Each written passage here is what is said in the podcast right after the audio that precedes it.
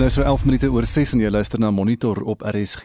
'n Oorsig van die nuus vanoggend. Ons kyk na die koerant voorblaaie. Die burger het 'n groot opskrif wat sê vissersboot vol kokain onderskep. Fonds van meer as 500 miljoen rand en 'n foto van die boot daar in 'n stil hawe dorp en miljoene rand se dwelms dis aan die Weskus in die Saldanha hawe waar hierdie fonds gemaak is. Meer as 500 miljoen rand se kokain en 10 buitelanders vier mans van Bulgaarse afkoms en ses van Myanmar is toe nou daar in hegtenis geneem daarby Saldanha. Ook 'n berig wat sê nuwe regulasies geen eetgoed net water tydskrifte op binnelandse vlugte. Uh, Spesialisering is 'n inkomste stroom wat ons graag in hierdie moeilike tyd sou wou hê, maar is nou die nuwe reëls in die staatskoerant vir die vlak 1 inperkings en niemand mag eet op die vliegtuig nie of hulle mag nie eet eet goed bedien nie. Ook 'n berig wat sê kat se gedeeltelike knievervanging 'n nikkie in SA genade. En die kat het 'n naam wat ek amper nie kan sê nie. Theophilin na die land se eerste gedeeltelike knievervangingsoperasie op 'n huiskat uh, daar sit Theolin uh, op die voorblad. Dr Adrian Kitshoff en Dr Elge Bester het nou hierdie uh, knievervanging gedoen op 'n uh, Theophilin Universiteit van Pretoria onderste poort akademiese um, veeartsenykundige hospitaal. Die voorblad van beeld sê hofstryd kom oor sopwater departement pak Tswane en dis nou daar die metroraad in Pretoria. En daar's ook foto's van die besoedeling in die Pinaas rivier uh, in die stad. Die departement van water en sanitasie en die stad gaan mekaar in die Hooggeregshof die stryd aansê oor rioolafval wat in damme vloei. Hier's ook 'n foto van 'n ouma wat hikel, Marie Tromp, sy's 88 van 'n aftreeoort in Pretoria. Ouma hikel vir wees babas en uh, die hele storie dan daar in die groot kombers wat sy daar hekel. Is meer as 500 komberse het sy gehekel. Die digitale voorblad van Volksblad Vrystaat kry taakspan vir herstel. Vier groot projekte is op die tafel. Premier sê dan nou wat is die plan? En uh, ook berigte wat sê Spietkop wou na Armand luister. Dit lyk na ja, dit is uh, Armand Hofmeyer en uh, Spietkop dan wat daar onder ons gehad het. Die sanger het gister in die Landdroshof verkeerde vlei verskyn en die berig is dan daar op die voorblad van die Volksblad. Die um, internasionale nuus op bbc.com Texas beëindig sy reël vir maskers en en raak ontslaaf van sy COVID-19 regulasies en maatreëls. Dis interessant. En dit is dan net so vinnige oorsig oor die nuus hier vanoggend. Ons praat later oor die Voortrekker Monument, eh, monument liewer hier in Suid-Afrika. Daar word planne gemaak om uh, op te maak vir die derduisende oorseese toeriste wat nou nie meer daar opdaag nie. En ons wil by jou weet, besoek jy of beplan jy om besienswaardighede in die land te besoek onder 'n verslapte vlak 1 inperking? En laat weet sommer waar jy besoek gaan aflê of waar jy 'n draai sou wou maak, sou omstandighede en jou begroting dit toelaat. Stuur vir ons 'n SMS na 45889, dit kos R1.50 of gaan na facebook.com vorentoe skynstreep ZRC of WhatsApp vir ons stemnota na 076 536 6961 076 536 6961. Kwart oor 6 en ondanks die vloede in die noorde van Suid-Afrika gaan boere in die suide gebuk onder 'n ongekende droogte. Een van die Oos-Kaapse damme, die Kouga dam, is so te sê droog vir die eerste keer ooit met 'n watervlak van slegs raps meer as 6% is dit nou die laagste ooit. Hiervan is slegs die helfte bruikbaar. Dit stel die sitrusoes in gevaar, groenteaanplantings is verminder en daar is geen veiding vir diere nie. Veronica Fourie doen verslag. Die dam wat in 1969 voltooi is en laas in 2015 oorgeloop het, se watervlak het nog nooit tot 6.5% gedaal nie. Die laaste seisoen het 'n rekordoes opgelewer ondanks 'n kwota van 20% van die normale. Die hoofuitvoerende beampte van die Gamtoos Besproeiingsraad, Renet Koleski, sê die 6 jaar lange droogte eis nou sy tol. Vier van daai jare het ons beperkings gehad. Die dam is vanoggend op 6.55% wat die laagste ooit was. Ons het desperaat reën nodig in die volgende 2 na 3 maande, nie net vir die huidige waterjaar wat die 30ste Junie eindig nie, maar ook vir die nuwe waterjaar wat die 1ste Julie begin en waarvoor ons 'n nuwe kwota nodig het. Daar is reeds van ons boere se water toegemaak omdat hulle hulle kwota vir die waterjaar reeds opgebruik het. So die nood is baie hoog in die Gamtoosvallei op hierdie stadium. Die situasie stel die sitrusoes in gevaar waar boere nie verder hulle boorde kan natmaak nie. Maar boere maak desperate planne. Sommiges het boorgate gesink as 'n aanvullende bron, maar dit is dikwels nie geskik vir landbougebruik nie. Wouter Morris van 'n maatskappy in Woester wat al talle boorgate in die Gamtoosvallei geboor het. En ons is nou al so 6 maande in potensie. Ons boor vir um, plaasboer hierso watergate. Nou, hoe groot is die droogte hierso? Wat ervaar julle? Hoeveel gate het julle al hier gemaak? Ons het al byna so 50 gate geboor hierso vir die boere. Hulle kry baie swaar. Die ouens se water is nou al drink van die boere is nou al vir 'n maand wat hulle niks water het om die boorde nat te maak nie. So ons is bly om te help. En kry julle water? Ja, ons kry water van die gate sterk. Ons kry tot 75000 liter 'n uur water wat ons hier oop boor vir ouens. So dit is soms 'n challenge. Ander bring water met tankers aan wat nie volhoubaar is nie. Duurnette word aangebring om windskade en verdamping te keer.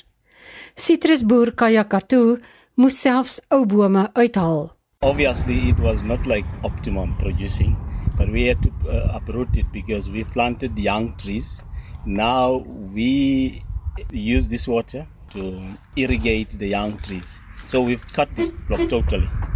So that will mean we'll have to cut some uh, stuff as well uh, because we're going to have a lesser orchard that is planted, and obviously the young trees uh, is still young, is growing, is not producing, so there won't be income. There won't be income here too. Uh, the absence of water is the same as absence of blood in the human being, because uh, I mean we cannot do farming totally uh, without water. Bees en sitrusboer Tertius Meyer staan in 'n droë rivierloop op sy plaas. Ons is agter met ons besproeiing. Die bome raak te droog voor ons weer kan besproei. Op hierdie stadium is vruggrootte definitief agter waar die norm is. As die vrugte kleiner is, moet jy meer vrugte in 'n karton sit. Jou prys is minder en jou tonnemaat per hektaar is definitief minder. So dit gaan 'n groot effek op inkomste hê.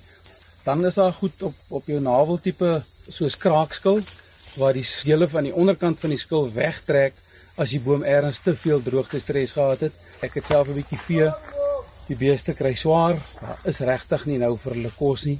Hulle raak maar en die ding is as jy hom te maar laat raak, kan jy hom nie meer verkoop nie. So jy moet daai besluit baie betyds neem. Anders moet jy begin voer. Uh ons meet vog in die grond. Ons probeer in tye soos die die die absoluut die kos en die water in die wortelsone plaas presies waar die boom hom nodig het. Jou probleem is as daar nie reënval ook is nie, dan het jy nie grondvog nie. Die waterbeperkings het 'n verwoestende effek op die aanplant van groente en veiding vir beeste.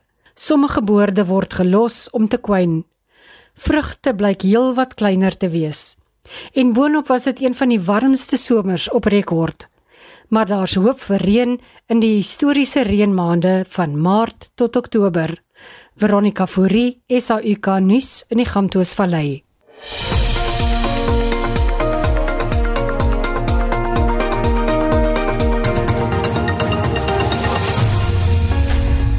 Dis nou 24 oor 6. Dankie dat jy saam luister na Monitor. Nou, sommige politieke partye meen 'n beperkte politieke ruimte vir veldtogte en politieke byeenkomste sal die vooruitsigte vir 'n vry en regverdige plaaslike regeringsverkiesing moeilik maak. Dit ondanks die feit dat president Ramaphosa die land op vlak 1 geplaas het waar politieke byeenkomste toegelaat sal word, maar onder sekere voorwaardes. Gatherings will be permitted subject to limitations on size adherence to social distancing and other health protocols. And these gatherings will include these following types of gatherings religious, social, political, and cultural gatherings. The maximum number of people allowed at any gathering is 100 people for indoor gatherings and 250 people for outdoor gatherings. Where the venue is too small to accommodate these numbers with appropriate social distancing, then no more than 50% of the capacity of the venue may be used. Alhoewel die EFF tot 'n mate tevrede is, sê die party dat dit nie vir politieke partye genoeg tyd gun om met kiesers te kommunikeer nie. Die Rooi Barrette wil in 2024 gelyklopende nasionale en plaaslike verkiesings hê. Die party sê met die dat die datum van die plaaslike regeringsverkiesing nog nie aangekondig is nie, gaan hulle onkant gevang word. Vuyani Pambo is die EFF woordvoerder. We are blindly entering into elections without our people knowing fully well who to vote for through engagement on the streets, through engagements in meetings, but importantly, for us to present our well thought out manifesto. The announcement of elections post this period that we're in now, or any other time from now on, will then mean that we are being ambushed. In Cope deel dieselfde sentiment.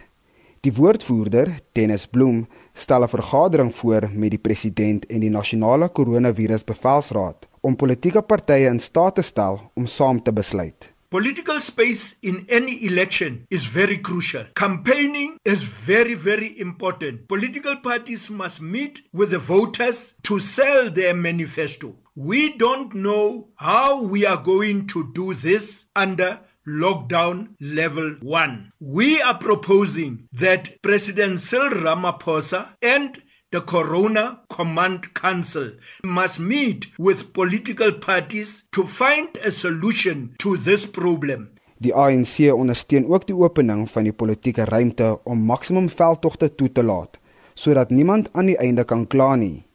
Die party woordvoerder, Pule Mabe There must never be a political party out there that feels that it is difficult for them to do their work because the numbers of their members or their support base is such that they need to be interacting with them physically in that way. Intussen het Mabe ook aan die SABC gesê dat die langverwagte vergadering tussen die top 6 amptenare en oud-president Zuma oor sy weiering om voor die Sonderkommissie van ondersoek na staatskaping te verskyn later van dese week sal plaasvind. Die verslag van Ntebo Mokobo in Johannesburg. Ek is Vincent Mufokeng vir SAI Garnis. Estie Anita Maritjie de Waal van Mamesbury sê ons is so opgewonde as Junie maand vir ons nog beskore is, gaan ons saam met ons kinders vir die eerste keer in 7 dekades vanaf Kaapstad vlieg om die nasionale kreerpark te sien. So as COVID hom tog net inhou op vlak 1 word ons kinderdrome dalk waar. En dis van Maritjie de Waal in Mamesbury en Elma Potgieter laat weet en nou dat ons in die omgewing woon, dis nou in Pretoria maak ek seker dat al my familie se kinders wat kom kuier vir vakansie die uh, monument kan besoek en beleef en dis vir my 'n voorreg om hulle te gaan wys en ek geniet dit as hulle dit so baie waardeer. En sy sê dis baie bekostigbaar sy sal dit vir almal aanbeveel. En Bets Ferreira sê my ouers het met die opening van die voortrekker monument in 1949 daar verloof geraak. Hulle was volksspelers en ek en my man was seker in ons lewe meer as 100 keer daar saam met ons kinders uh, by kerkdienste en by menige funksies. Die inisiatief sê bets om stene ensovoorts te koop is prysenswaardig. Dit sal ons ondersteun, maar dit is nou vir 'n jonger geslag om dit verder te neem.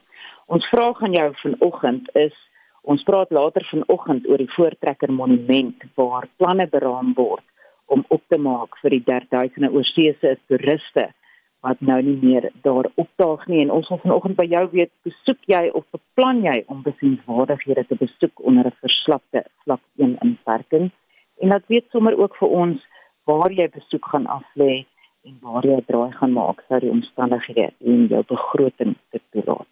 Stuur vir ons 'n SMS by 45889 en R50 per SMS gesels saam op ons Facebookblad by facebook.com vorentoe skynstreep ZRSG of WhatsApp vir ons stemnota na 076 536 6961. En ons beweeg na die sportveld met Shaun Juste. Ons begin die verslag met rugby nuus. Die Stormersbreier John Dobson het aangekondig dat Rito Glungwane die spanafrigter sal wees vir volgende week se voorbereidingsreeks wedstryd teen Griekwas. Dobson se ander twee assistente sal ook 'n kans gegee word. Labie Blevy waarskynlik teen die Bulls en Dawie Snyman teen die Lions. Johnny Sexton het sy kontrak met die Ierse Rugby Unie met 1 jaar tot die einde van die 2021-22 seisoen verleng. Die 35-jarige loskakel het al 97 toetse vir Ierland gespeel en was in 2018 as wêreldrugby se speler van die jaar aangewys. Cricket. Nieu-Seeland en Australië pak mekaar van 8 uur af in die derde wedstryd van hulle T20 reeks met die tuisspan wat 2-0 voorloop. Nieu-Seeland het 6 van hulle laaste 7 T20 wedstryde gewen en beoog om die reeks met 3-0 te beklink. Dit sal ook hulle derde agtereenvolgende T20 reeks oorwinning wees en die eerste oor Australië. Zimbabwe dag 1 van die eerste toets in en teen Afghanistan op 133 vir 5 in hulle eerste beurt geëindig. Dit was 'n antwoord op Afghanistan se eerste beurtelling van 131. Sean Williams op 54 en Ryan Burl op 8 nie uit nie is voor die penne. Sokker. Gister in die DStv Premier Liga het Marokko Swallows die eerste wedstryd van hulle seisoen verloor toe hulle met 2-1 deur TS Galaxy uitoorlê is. Die ander tellings was 1-0 vir AmaZulu teen SuperSport United, Maritzburg United teen Black Leopards en Orlando Pirates teen Bloemfontein Celtic. Vanmiddag 3 uur speel Chippa United teen Cape Town City en 5 uur Golden Arrows teen Baroka FC. Manchester City het Wolves gisterand in die Engelse Premier Liga met 4-1 afgeronsel en rek hulle voorsprong nou na 15 punte. Vanaand 8uur kom Burnley teen Leicester City, Sheffield United teen Aston Villa en kwart oor 10 Crystal Palace teen Manchester United te staan. En laastens in tennisnuus. In gister se tweede ronde wedstryde in die manstoernooi in Rotterdam in Nederland het Die Griek Stefanos Tsitsipas in twee stelle teen Igor Gerasimov van Belarus en die Rus Karen Khachanov ook in twee stelle teen Stanislas Wawrinka van Switserland geseëvier. En in die tweede ronde van die vroue ope in Qatar het die Amerikaner Madison Keys in twee stelle met Belinda Bencic van Switserland afgereken. Shaun Schuster, SAK Sport. Jy luister na Monitor om 22 minute voor 7 vanoggend in Vrystaat Landbou is bekommerd oor die toename in plaasaanvalle in die provinsie. Nou volgens die onlangse misdaadsyfers van 2020 en 2021 vir die derde kwartaal het die aanvalle met byna 54% toegeneem. Vrystaat Landbou sê die moord en poging tot moordsyfers is die hoogste in 'n 5 jaar periode. En vir meer hieroor praat ons nou met die voorsitter van Vrystaat Landbou se landelike veiligheidskomitee, Jakkels Leroux. Jakkels, goeiemôre. Môre, Gustav. Waaraan kan hierdie geweldige toename toegeskryf word? Gustav, ja, dit was 'n paar goeders, uh die COVID-inperkingstyd. Dit speel 'n groot rol. Uh daar's baie mense wat sonder werk gesit het en hulle geld nodig, hulle kos nodig uh dit is dit is werkloosheid en dit gaan 'n groot probleem raak vir die vorentoe met die minimumloon wat uh gestyg het te goed. So daar is is dit is maar 'n probleem. Uh en dan ook met situasies wat dit skep uh in die landelike omgewing wat sulke situasies kom voor wat wat dit uh aanlokkend laat lyk vir vir die verdagtes om om aan te val. Julle sê ook in julle verklaring dat die polisie nie na behoore toegerus word om misdaad effektief te bestry nie. Ja, uh ek dink personeeltekort uh vir toerusting en uh voertuie is is ook een van die uh probleme. Uh ons sit met jy sit met uh polisie wat uh, in dele wat uh, goeie werk doen, maar uh die werk is te veel vir hulle. Hulle het regtig waar daar daar word men aan hulle uh voorsien. Om voorsien om om hulle werk voldoende te voldoen. So is daar 'n situasie dan daar op die op die grondvlak in die Vrystaat waar daar polisielede is wat wat die werk kan en wil doen, maar net nie die toerusting het nie. Ek dink daar is baie van hulle. Ons sit met uh, veral in die Vrystaat sit ons met 'n paar uh, goeie polismanne dink ek. Ons het baie goeie suksese die laaste tyd gehad. Maar dit is die werk is te veel. Daar's te veel misdaad wat plaasvind. En uh, ek dink die strawe moet moet uh, strenger uh, swaarder wees om die mense af te skrik uh, om misdaad te pleeg op hierdie stadium dan nou, is die die, die strawe is is nie uh, swaar genoeg vir die misdadigers. Hoe los mense hierdie probleem op dan nou? Jong, ja, dit is maar onderhandeling met uh, die die polisie en die regering.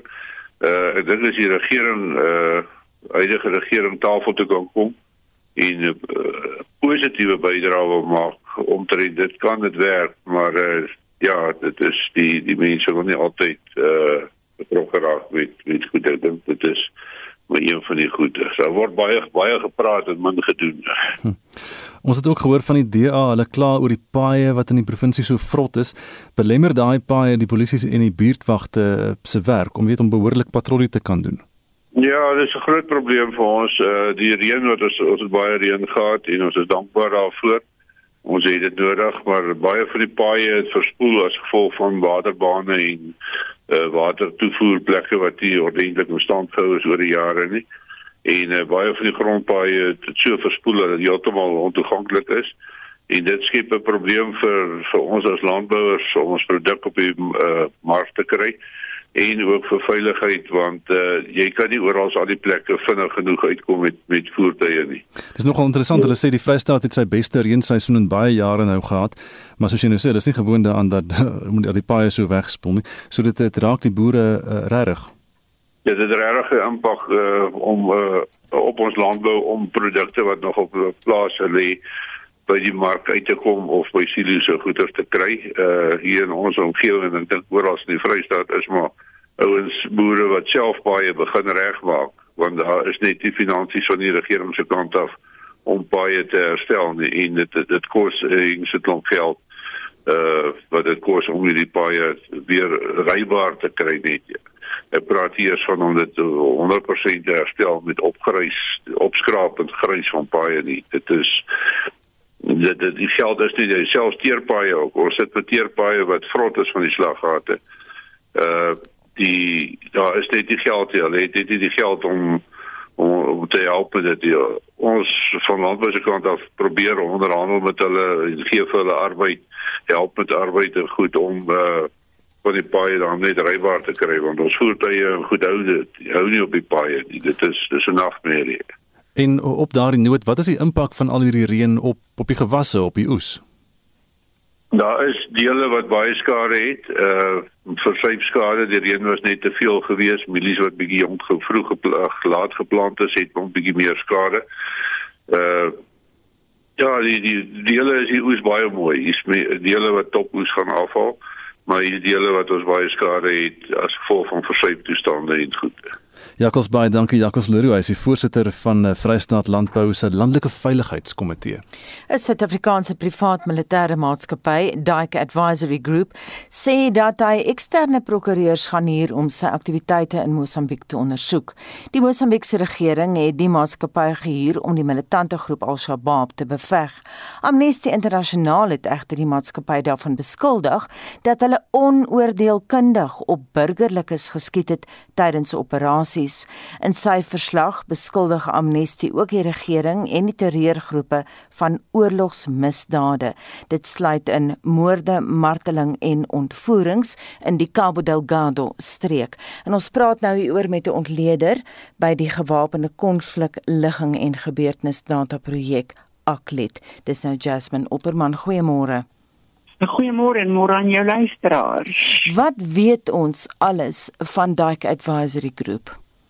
Ek dink ons weet redelik baie. Ons weet dat hulle uh, laas jaar hier by Mei April 'n kontrak met die polisie gesluit het om van privaat ehm um, helikopters gebruik te maak wat toe gewapen is en dat hulle van daar af lig ondersteuning gegee het aan die pogings om die ehm um, die insurgente te te staan dat hulle kontrak hernie is en dat hulle ook nou opleiding insluit. Met ander woorde, hulle is wettig daar, die kontrak is hernie en dit is deur die die regering? Die probleem wat ons mee sit, die kontrak is by die polisie van Mosambiek. Maar en omdat hulle uit Suid-Afrika opereer, sit ons met die uh, Foreign uh, Military Assistance Act wat nie sulke aktiwiteite toelaat nie. Punt nommer 1 en punt nommer 2, daar's ook ander wette wat hulle oortree het. Soos byvoorbeeld uh, COVID-19 toe hulle ont, uh, ontplooi het, was ons op die hoogste vlak van isolasie. Mm -hmm. En dan derdens, die aantekenings wat teen hulle gemaak is, is niks niks nie. Ehm um, dit is dit kom al oor 'n lang tydperk wanneer mense in so 'n situasie betrokke is, wanneer mense uh, begin ehm um, van vier uh, of of begin uh, skiet op mense op die grond, hoe maak jy 'n onderskeid tussen insurgente en onskuldige mense? So die aantuigings is sterk. Die aantuigings dink ek het gronde waarop hulle staan en dit is baie baie sterk uh bewys op die grondtafel moet sit om dit te te staan. Jasmine, jy sê nou hierdie aanteggings kom oor 'n lang tydperk. Hoekom word dit spesifiek nou aan die groot klok gehang? Uh, baie interessant, want as mens die verslag in diepte bestudeer, word ook baie sterk aanteigings gemaak teen ehm um, die Mosambiekse uh, gewapende magte wat ook gronde het en wat ook um, waar ons oor al baie lank tyd bekommerd was en dan ook ehm um, teenoor die insurgente self. Die vraag hoekom nou? Ehm um, daar is geweldige druk op die Mosambiek regering om meer verantwoordelik meer uh, as ek die woord Engelse woord mag gebruik transparent en accountable op te tree. En ek dink dit is die probleem waarmee ons in Cabo Delgado sit. Media vryheid is totaal beperk. Ons weet nie altyd regtig wat daar aangaan nie en ek dink die druk is nou op die Mosambiek regering uh, om meer verantwoordelik en meer openlik en um, tot 'n punt te kom waar hulle gebruik maak van ondersteuningsmagte wat baie meer van uh, uh, openlik uh, baie meer accountable teenoor die internasionale uh, publiek sal wees. Kom ons kyk 'n bietjie na die privaat maatskappye. Daar's ook Russiese privaat maatskappye. Hoekom hierdie maatskappye inbring eerder as om buurlande se weermagte te vra om te help? Sou dit nie 'n opsie wees nie, Jasmine? Uh die Mosambiek regering is nie ten gunste van enige streeksbetrokkenheid deur die ehm um, deur SADC nie. Maar dan moet ons ook bysit en ons moet realisties wees. SADC het nie die vermoë of die finansiële kapasiteit om betrokke te raak in so 'n uh, situasie nie. Maar die vraag wat gevra word en jy is heeltemal korrek. Wanneer jy van 'n uh, privaat konsultante gebruik maak, is uh, jy nie daar so aan jy word nie aanspreeklik gehou vir die betalings wat gemaak word en vir hulle optredes nie. En die vraag is is die Mosambiek regering besig om ehm uh, die UN, uh, African Union en daarmee ook saam European Union reëls uh, te probeer ontduik in terme verantwoordelikheid vir militêre optredes. Dis 'n vraag wat tog moet beantwoord word, maar die Mosambiek regering duidelik is nie teen gunste van enige streeksbetrokkenheid uh, as ons praat van direkte gewapende magte nie. Ek wonder hoekom is hulle so bekommerd daaroor want dit lyk nie asof hierdie probleme vinnig gaan lê nie. Ons doen nou al vir 2 jaar verslag daaroor. Ehm um, ek het slegte nuus vir jou luisteraars. Ek was nou ek het nou nog op, op 'n webinar het baie sterk duidelik gestel. Die insurgensie gaan nie binne die volgende 5 dan dan is ek optimisties binne die volgende 3 tot 5 jaar opgelos word nie. Ons sit met 'n insurgensie wat homself gevestig het. Ons sit met 'n Mosambiek regering ehm um, wat wat werklik na die strategie sal moet kyk, wat sal moet erken dat daar plaaslike ontevredenheid is en ehm um, daarmee saam ook die pogings wat aangewend word om ehm um, die probleem aan te spreek sal baie vinnig ehm um, gemeenskappe moet begin insluit en hierdie probleme tot 'n punt te bring waar ons kan sê dat die Mosambiek regering ook verantwoordelikheid aanvaar vir hoe hulle Cabo Delgado vir soveel jaar te nagekom het. Jasmine sal die insurgensie oorspoel na Suid-Afrika. Nee, ons moet ons moet baie baie realisties wees. Laat daar streeks implikasies is. Ja. Laat daar 'n uh, indirekte uh, support kan wees van Suid-Afrika. Ja.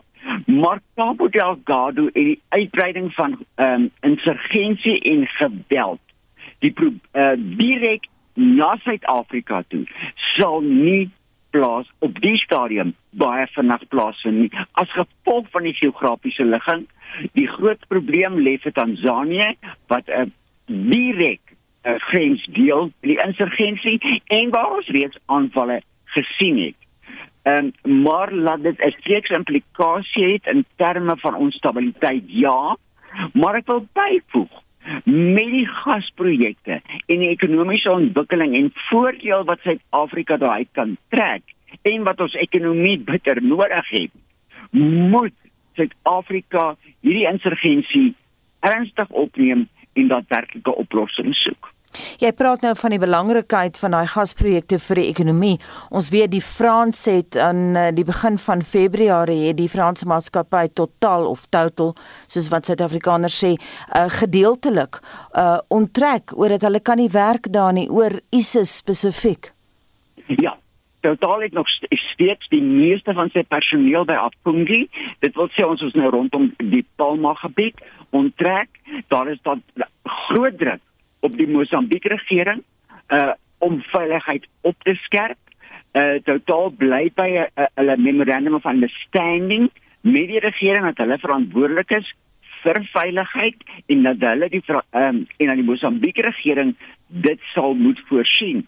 Maar interessant genoeg, totaal kyk ook na eilande rondom uh, die Palma area as 'n terugval uh, waar hulle kan gebruik maak van uh, of dit nou privaat militêre magte gaan wees of nie, uh hulle eie magte kan inbring wanneer daar nie genoegsame uh beskerming gegee kan word nie. Die probleem wat ons mee sit, um, ons sit met regeringsmag wat tyd nodig het vir opleiding en dat werklike opleiding ons kan vir hulle die beste wapens gee ons kan vir hulle die beste ammunisie gee die soldate is nog steeds onbevoeg in terme van om die insurgente te te staan en dit op 'n verantwoordelike manier te doen. Interessant genoeg, eh as jy na die laaste 2 weke kyk, bly daai streek hoogs onstabiel. Jasmine het nou verwys na die feit dat van die insurgensie begin nou oorspoel na Tansanië toe. Hoe het dit die verhouding verander indien wel tussen Mosambiek en Tansanië? Aanvanklik was daar spanning tussen Tanzanië en Mosambiek voor die aanvalle. Die die rede daarvoor is beskuldigings van die Mosambiek regering wat gesê het maar Tanzanië hele grondgebied word gebruik om ons te, uh, in Mosambiek te destabiliseer want onthou die Mosambiek regering bly by sy standpunt dat hierdie insurgensie uh buitelandse uh, redes het en nie in Cabo Delgado uh gevind kan word nie. Wat natuurlik natuurlik nie waar is nie. Maar sedert die aanvalle is daar ooreenkomste gesluit uh is daar besluit om samewerking uh of om samewerkingsoperasies in die grens of op die grens op die uh, in die grensgebied te ontblooi. Hulle het al reeds dit gedoen. Met ander woorde die samewerking op 'n militêre vlak wat werklik nodig is, het al reeds begin plaasvind. Ehm um, so die die die verhouding tussen Tansanië en Mosambiek is nie meer so uh onstabiel soos wat dit was 2 of 3 jaar terug nie. Jasmine, is die regering betrokke by moorde en martelings van sy eie burgers? Ja, onge ongetwyfeld. Ek sê ja, omrede binne die Cabo Ligado projek het ons 'n uh, 'n uh, analise gedoen. Die um, regeringsmagte vir die laaste 2, 3 jaar en ek wil weer aan jou luister aan jou luister aan jou luisteraar sê, daar is niks niets in daai verslag nie. Dis 'n baie goeie verslag, maar die aantuigings is baie sterk. Uh laat die regeringsmagte betrokke was by uh goed um, of die mis of uh, waar mense in plaaslike burgers bloot omdat hulle gesien word en beskuldig is dat hulle insurgente is dood eenvoudig doodgeskiet is, het plaasgevind en ons kan dit nie ontken nie. Die Mosambieke regering sal moet verantwoordelikheid aanvaar en staan vir daai optredes. Baie dankie dit aan die mening van Jasmine Opperman, 'n ontleder by die gewapende konflikligging en gebeurtenisdata projek Aklet. So 5 minute voor 7 en die voormalige bestuurshoof van Eskom, Brian Molefe, ontken beweringe dat hy geweier het om te onderhandel om 'n steenkoolvoorsieningskontrak met die Glencore Optimum myn te wysig. Molefe sê hy was nie bereid om met Glencore te onderhandel nie, omdat hy geglo het dat dit wat die myn op die onderhandelingstafel geplaas het, verregaande en onwettig was. Nou Molefe het 'n tweede keer voor die staatskapingskommissie getuig nadat sy getuienis in Januarie kort geknip is nadat adjunk hoofregter Raymond Zondo aan COVID-19 blootgestel was. Estie de Klerk doen verslag. Molefe sê hy het die eensydige besluit geneem om 'n samewerkings- en steenkoolvoorsieningsooreenkoms tussen Eskom en Optimum Steenkoolmyn te beëindig omdat hy van mening was dat die ooreenkoms Eskom benadeel. Molefe hou vol dat Glencore op hulle verbintenis met Ramaphosa gesteun het in plaas daarvan om die nodige omsigtigheid te doen in sy doen en late met Eskom. I have a feeling that if I had signed an agreement or agreed to OCM's uh, request, we would be sitting in this commission or a similar commission where you would be asking me, but Mr. Mulife, if you had an agreement for one fee, what was it that drove you to increase, agree to this ridiculous increase that has now collapsed ESCOM?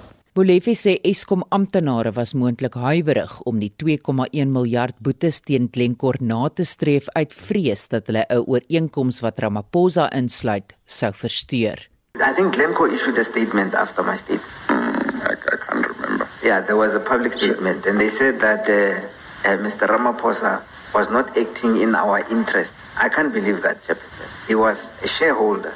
He had an interest in the man. If the penalties was to be settled because they arose while he was still shareholder. He would have financial benefit. Molefe het die beweringe ontken dat hy druk op Glencore geplaas het om Optimum in 2015 aan die Guptas te verkoop, ondanks die beweringe van Glencore dat Molefe finansiële druk uitgeoefen het om Optimum aan Tegeta te verkoop. They were so angry with us. Mm. They were now going to start a campaign mm. to taint us mm. as Gupta people. To taint us as Gupta people. Skirlek, Skirlek, the public protector came up with a report. She did not interview us. She interviewed Mr. Efron. Fact, Mr. Efron went to him, to her, to complain about us, and she instituted that report. Die kommissie sal na verwagting voortgaan om vandag getuienis van Molefe aan te hoor. Die kommissie sal na verwagting ook ander Eskom verwante getuienis aanhoor van die voormalige finansiële hoof van Eskom, Anos Singh. Die verslag is saamgestel deur Naledi Ngobo in Johannesburg en ek is Estie de Klerk vir SAK nuus. En Estie dra verskeie hoedens vir oggend sy doen ook vir ons die SMS terugvoer. Estie, hoe lyk dit? Anita, kom ons luister eers wat 'n luisteraar op 'n stemboodskap vir ons gestuur het. Ek is 'n fotograaf en neem gereeld troues by die Voortrekker Monument af. Wow, ek kan net sê wow, die netheid, die pragt van alles wat daardie plek steel 'n mens se hart. Dit is deur en deur die moeite werd. Die mense moet regtig daar gaan besoek. Dit is amazing. En ja, Jolandi Heineke skryf ons het onlangs die Kango grotte besoek. Dit was 'n belewenis en ons beplan definitief om meer plaaslike besiensvaardighede te besoek, veral wanneer ons gaste kry. En Alida Badenhorst sê toeristeplekke moet hulle pryse bekostigbaar maak vir Suid-Afrikaanse burgers en so sê Hilda Kreer ook as dit bekostigbaar was Ja, sal ons dit besoek ongelukkig betaal ons toeriste pryse en dis is dit soms vir plaaslike mense nie bekostigbaar om dit te besoek nie. Terug na jou Anita. Baie dankie bly ingeskakel want net hierna praat ons oor die politieke implikasies van 'n onafhanklike paneel se verdoemende bevindinge teen die openbare beskermer. Bly ingeskakel vir daai gesprek. Dis nou 7 uur.